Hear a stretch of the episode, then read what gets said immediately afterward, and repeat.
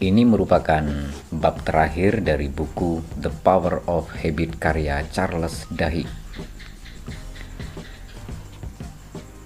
Selamat mendengarkan. Panduan bagi pembaca untuk menggunakan gagasan-gagasan ini.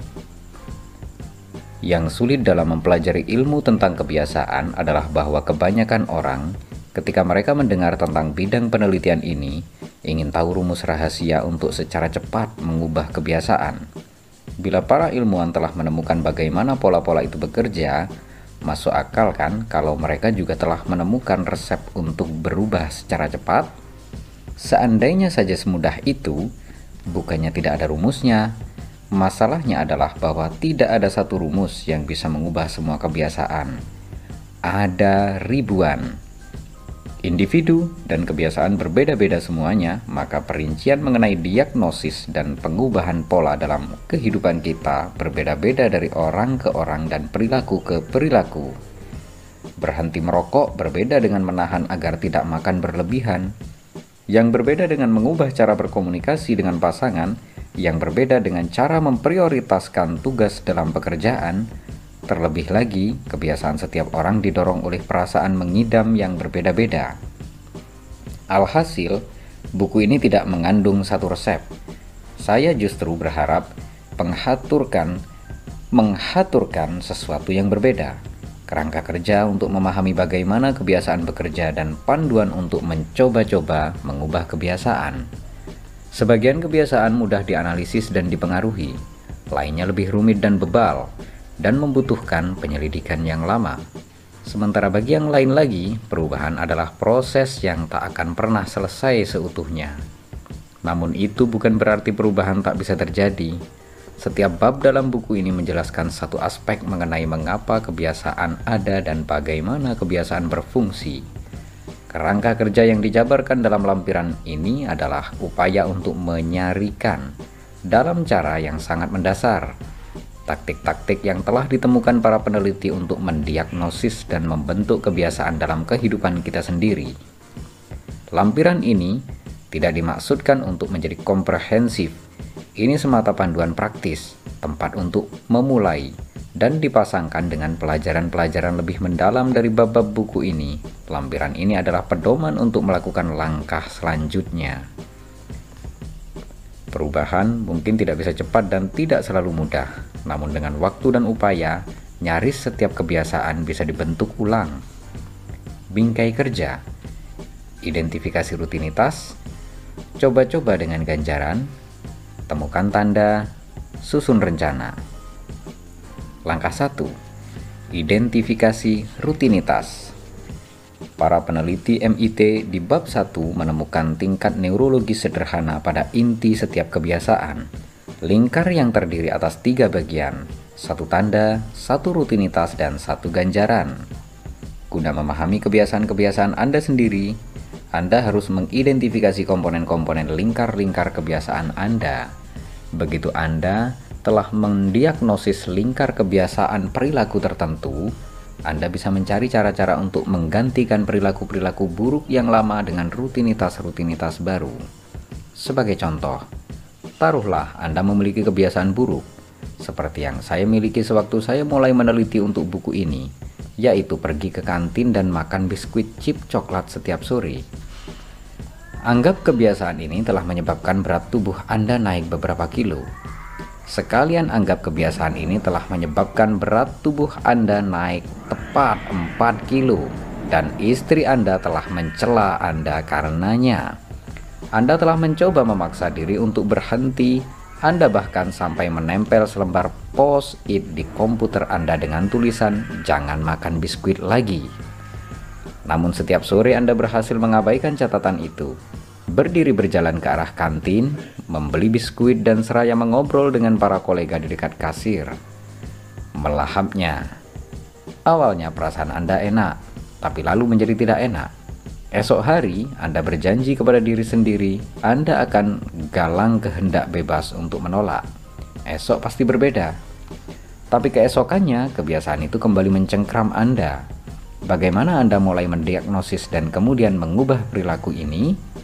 Dengan mencari tahu lingkar kebiasaannya dan langkah pertama adalah mengidentifikasi rutinitasnya, dalam skenario biskuit ini, seperti juga kebanyakan kebiasaan, rutinitas adalah aspek yang paling gamblang. Itulah perilaku yang Anda ingin ubah. Rutinitas Anda adalah berdiri dari meja Anda pada sore hari, berjalan ke kantin, membeli satu biskuit chip coklat, dan melahapnya secara seraya mengobrol dengan teman. Jadi itulah yang menempatkan Anda dalam lingkar. Berikutnya, sejumlah pertanyaan yang tak begitu gamblang. Apa tanda bagi rutinitas itu? Rasa laparkah? Rasa bosan? Gula darah rendah? Bahwa Anda perlu istirahat sebelum terjun ke tugas lain? Dan apa ganjarannya? Kue itu sendiri? Pemandangan? Pengalihan pikiran sementara? Bergaul dengan rekan kerja? atau semburan energi yang berasal dari asupan gula dalam jumlah besar? Untuk menemukan jawabannya, Anda butuh melakukan satu percobaan kecil. Langkah 2. Coba-coba dengan ganjaran. Ganjaran sungguh kuat karena memuaskan rasa mengidam. Namun kita sering kali tidak menyadari rasa mengidam yang mendorong perilaku kita Ketika tim pemasaran Fibris mendapati bahwa para pelanggan menginginkan wangi segar di ujung ritual bersih-bersih misalnya, mereka menemukan rasa mengidam yang sebelumnya tak seorang pun tahu ada. Mengidam itu bersembunyi di tempat yang mencolok. Sebagian besar rasa mengidam seperti ini, bila direnungi lagi, ternyata gamblang, namun begitu sulit dilihat sewaktu kita sedang di bawah pengaruh mereka. Guna mencari tahu rasa mengidam mana yang mendorong suatu kebiasaan tertentu, ada gunanya mencoba-coba dengan ganjaran yang berbeda-beda. Ini mungkin berlangsung beberapa hari, atau seminggu, atau lebih lama lagi. Selama periode itu, jangan merasa tertekan untuk melakukan perubahan sungguhan. Bayangkan diri Anda seorang ilmuwan yang sedang berada dalam tahap pengumpulan data. Hari pertama percobaan ketika Anda merasakan dorongan pergi ke kantin dan membeli biskuit, ubah rutinitas Anda sehingga Anda memperoleh ganjaran yang berbeda. Misalnya, Daripada berjalan ke kantin, pergilah keluar, berjalan keliling blok, dan kemudian kembali ke meja Anda tanpa menyantap apa-apa. Hari berikutnya, pergilah ke kantin dan beli donat atau permen batangan dan makanlah di meja kerja. Hari berikutnya, pergi ke kantin, beli apel, dan santap sekali lagi mengobrol dengan teman-teman Anda. Kemudian, cobalah secangkir kopi Kemudian jangan pergi ke kantin, tapi datangilah meja teman Anda dan bergosiplah beberapa menit sebelum kemudian kembali ke meja Anda sendiri. Begitulah kira-kira. Apa yang Anda pilih selain membeli biskuit tidaklah penting. Intinya adalah menguji berbagai hipotesis untuk menentukan rasa mengidam mana yang mendorong rutinitas Anda. Apakah Anda mengidamkan biskuit itu sendiri atau istirahat sejenak? Bila benar biskuitnya, apakah karena Anda lapar? Kalau begitu, apel juga bisa memuaskan rasa lapar Anda. Ataukah itu karena Anda membutuhkan energi yang disediakan biskuit itu? Kalau begitu, kopi seharusnya bisa menggantikan. Ataukah Anda jalan-jalan ke kantin sebagai alasan untuk bergaul dan biskuit itu hanyalah sekedar alasan mudah? Kalau begitu, mendatangi meja orang lain dan bergosip beberapa menit seharusnya memuaskan dorongan itu.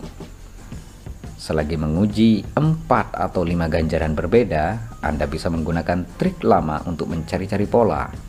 Setelah setiap aktivitas, tuliskan di atas lembar kertas ketiga hal pertama yang terlintas dalam pikiran Anda sewaktu Anda kembali ke meja kerja. Ketiga hal itu, ketiga hal itu bisa jadi emosi, pemikiran acak, renungan mengenai apa yang Anda rasakan atau sekedar tiga kata pertama yang muncul dalam ingatan. Santai, melihat bunga, tidak lapar. Kemudian, setel alarm di arloji atau komputer Anda agar berbunyi 15 menit lagi. Sewaktu alarm berbunyi, tanyai diri sendiri, masihkah Anda merasakan dorongan untuk melahap biskuit? alasan mengapa penting untuk menuliskan tiga hal meskipun ternyata ketiganya adalah kata tanpa makna ada dua. Pertama-tama, kegiatan itu memaksa Anda untuk sementara menyadari apa yang Anda pikirkan atau rasakan. Seperti juga Mandy, si penggigit kuku di bab 3, yang membawa-bawa sebuah kartu catatan yang terisi tanda untuk memaksanya menyadari dorongan-dorongan kebiasaannya. Demikian pula menuliskan tiga kata memaksa kita sejenak memperhatikan. Terlebih lagi, sejumlah penelitian menunjukkan bahwa menuliskan beberapa kata membantu mengingat lagi nantinya apa yang Anda pikirkan pada waktu itu. Pada akhir percobaan, sewaktu mengkaji ulang catatan-catatan Anda, akan lebih mudah mengingat apa yang Anda pikir dan rasakan tepat pada saat itu. Sebab kata-kata yang dituliskan akan memicu ingatan kembali. Dan mengapa pakai alarm 15 menit? Sebab inti tes ini adalah menentukan ganjaran yang Anda idamkan. Bila 15 menit setelah makan donat, Anda masih merasakan dorongan untuk bangkit dan pergi ke kantin, maka kebiasaan Anda bukan dimotivasi oleh mengidamkan gula, Bila setelah bergosip di meja teman, Anda masih menginginkan biskuit, maka kebutuhan akan kontak dengan manusia bukanlah yang mendorong perilaku Anda. Di sisi lain, bila 15 menit setelah mengobrol dengan seseorang teman ternyata mudah bagi Anda untuk kembali bekerja, maka Anda telah mengidentifikasi ganjarannya. Pergilah pengalih perhatian dan pergaulan sementara yang hendak dipuaskan kebiasaan Anda. Dengan mencoba-coba ganjaran yang berbeda-beda, Anda bisa menemukan apa yang sebenarnya Anda idamkan, yang teramat penting dalam merancang ulang kebiasaan. Begitu Anda menemukan rutinitas dan ganjarannya, yang tersisa adalah mengidentifikasi tandanya. Bagian 3, temukan tandanya. Sekitar satu dasawarsa lalu, seorang ahli psikologi di University of Western Ontario mencoba menjawab pertanyaan yang telah membingungkan ilmuwan-ilmuwan sosial selama bertahun-tahun. Mengapa sejumlah saksi mata kejahatan salah mengingat apa yang mereka lihat, sementara yang lain mengingat peristiwa dengan akurat? Ingatan saksi mata tentu saja teramat sangat penting, namun penelitian-penelitian mengindikasikan bahwa saksi mata kerap kali salah mengingat apa yang mereka amati. Mereka bersikeras bahwa maling yang mereka lihat seorang laki-laki misalnya, padahal ia ternyata perempuan yang mengenakan rok. Atau bahwa kejahatan itu terjadi pada waktu senja, padahal menurut laporan polisi peristiwa itu terjadi pada pukul 2 siang. Di sisi lain, sejumlah saksi mata lain bisa mengingat kejahatan yang mereka lihat secara nyaris sempurna. Lusinan penelitian telah mengkaji fenomena itu, mencoba menentukan mengapa sebagian orang merupakan saksi mata yang lebih baik daripada orang lain. Para peneliti menyusun teori bahwa sejumlah orang semata memiliki ingatan yang lebih baik, atau bahwa kejahatan yang terjadi di tempat yang diakrabi lebih mudah untuk diingat. Namun teori-teori itu tidak lulus uji. Orang-orang dengan ingatan kuat maupun lemah, ataupun orang akrab dan tidak dengan TKP sama-sama berkemungkinan salah mengingat peristiwa yang terjadi. Seorang ahli psikologi di University of Western Ontario mengambil pendekatan berbeda. Ia bertanya-tanya apakah para peneliti membuat kesalahan dengan berfokus pada apa yang dikatakan penanya dan saksi mata, bukan pada bagaimana mereka mengatakannya. Ia menduga ada tanda-tanda samar yang mempengaruhi proses tanya jawab namun sewaktu ia mengamati rekaman video demi rekaman video wawancara saksi mata, guna mencari tanda-tanda itu, ia tidak menemukan apa-apa. Ada sedemikian banyak aktivitas dalam setiap wawancara. Segala ekspresi wajah, cara-cara berbeda pertanyaan-pertanyaan itu diajukan. Emosi yang berfluktuasi sehingga ia tidak bisa mendeteksi pola apa-apa. Maka ia mengembangkan sebuah gagasan.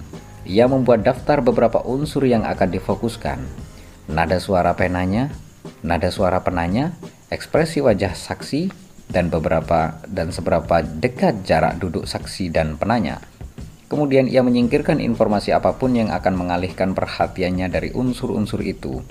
Ia memperkecil volume televisi sehingga ia tak lagi mendengar kata-kata, melainkan hanya mendeteksi nada suara si penanya. Ia menempelkan selembar kertas menutupi wajah si penanya di TV sehingga yang bisa ia lihat hanyalah ekspresi saksi mata. Ia mengukur jarak saksi dan penanya dengan menggunakan pita pengukur di layar. Dan begitu ia mulai mempelajari unsur-unsur spesifik ini, pola-pola pun bermunculan. Ia melihat bahwa saksi-saksi yang salah mengingat fakta biasanya ditanyai oleh polisi yang menggunakan nada suara lembut dan bersahabat. Ketika saksi lebih banyak tersenyum atau duduk lebih dekat dengan orang yang mengajukan pertanyaan, kemungkinan mereka salah mengingat lebih besar. Dengan kata lain, ketika tanda-tanda lingkungan berkata, "Kita teman," nada lembut, wajah yang tersenyum, saksi berkemungkinan lebih besar salah mengingat apa yang terjadi. Barangkali karena di bawah sadar tanda-tanda pertemanan memicu kebiasaan untuk menyenangkan si penanya. Namun arti penting percobaan itu adalah bahwa rekaman-rekaman video yang sama telah diamati oleh lusinan peneliti lain. Demikian banyak orang pandai yang telah melihat pola-pola yang sama, namun tidak ada yang menyadarinya. Ada terlalu banyak informasi dalam setiap rekaman sehingga sulit melihat tanda yang samar.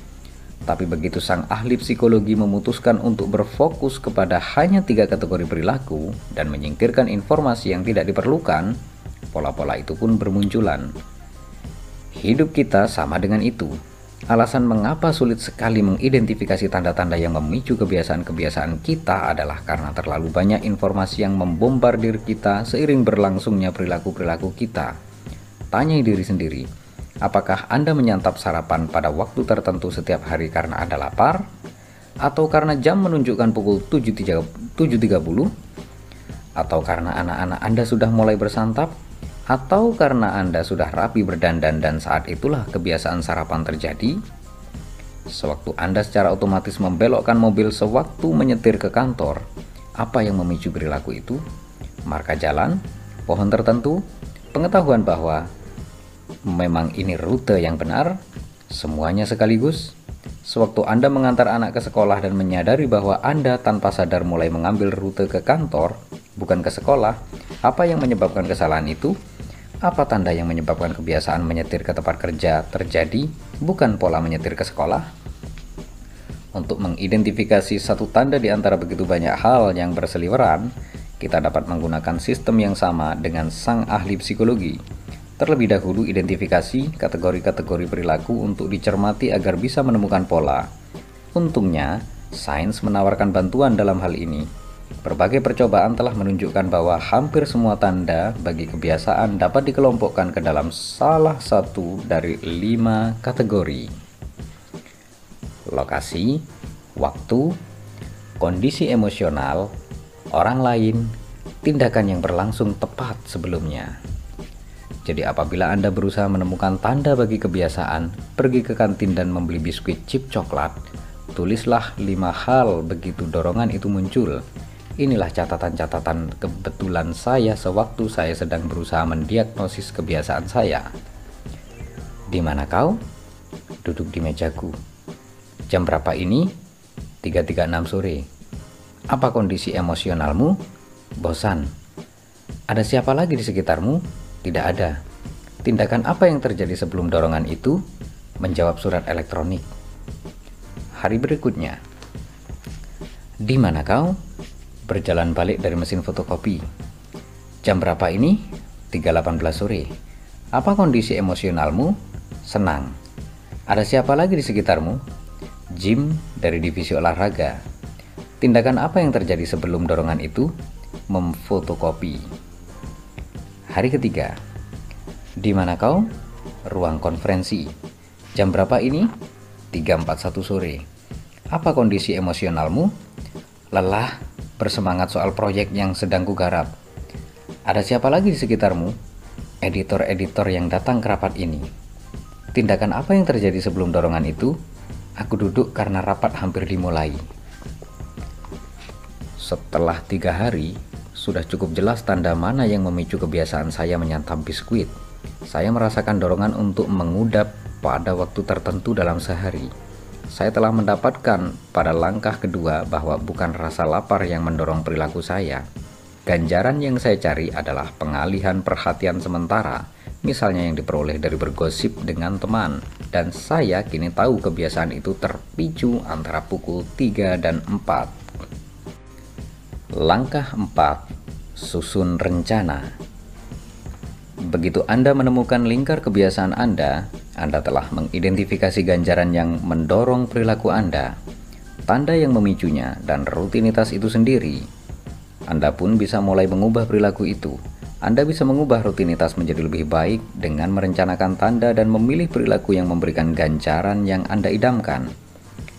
Yang Anda butuhkan adalah di prolog kita mempelajari bahwa kebiasaan adalah pilihan yang kita buat secara sengaja di satu titik dan kemudian kita berhenti, berhenti pikirkan.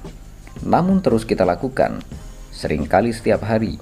Dengan kata lain, kebiasaan adalah rumus yang otak kita ikuti secara otomatis. Sewaktu aku melihat tanda, aku akan lakukan rutinitas agar memperoleh ganjaran. Untuk merekayasa ulang rumus itu, kita harus mulai membuat pilihan lagi. Dan cara termudah untuk melakukannya, menurut penelitian demi penelitian, adalah memiliki rencana. Dalam psikologi, rencana ini dikenal sebagai niat pelaksanaan. Taruhlah misalnya, kebiasaan saya makan biskuit tiap sore dengan menggunakan kerangka kerja ini, saya mempelajari bahwa tanda saya adalah kira-kira pukul 3.30 sore hari. Saya tahu rutinitas saya adalah pergi ke kantin, membeli biskuit, dan mengobrol dengan teman. Dan melalui coba-coba, saya berhasil mengetahui bahwa bukanlah biskuitnya yang saya idamkan, melainkan pengalihan perhatian sejenak dan kesempatan untuk bersosialisasi maka saya tuliskan rencana ini. Setiap hari pada pukul 3.30 aku akan berjalan ke meja teman dan mengobrol selama 10 menit. Untuk memastikan saya ingat melakukan ini, saya memasang alarm arloji agar berbunyi pukul 3.30. Rencana itu tidak langsung berhasil. Ada beberapa hari ketika saya sangat sibuk dan mengabaikan alarm itu dan kemudian malah membeli biskuit lagi. Pada waktu-waktu lain, rasanya repot sekali mencari teman yang mau mengobrol.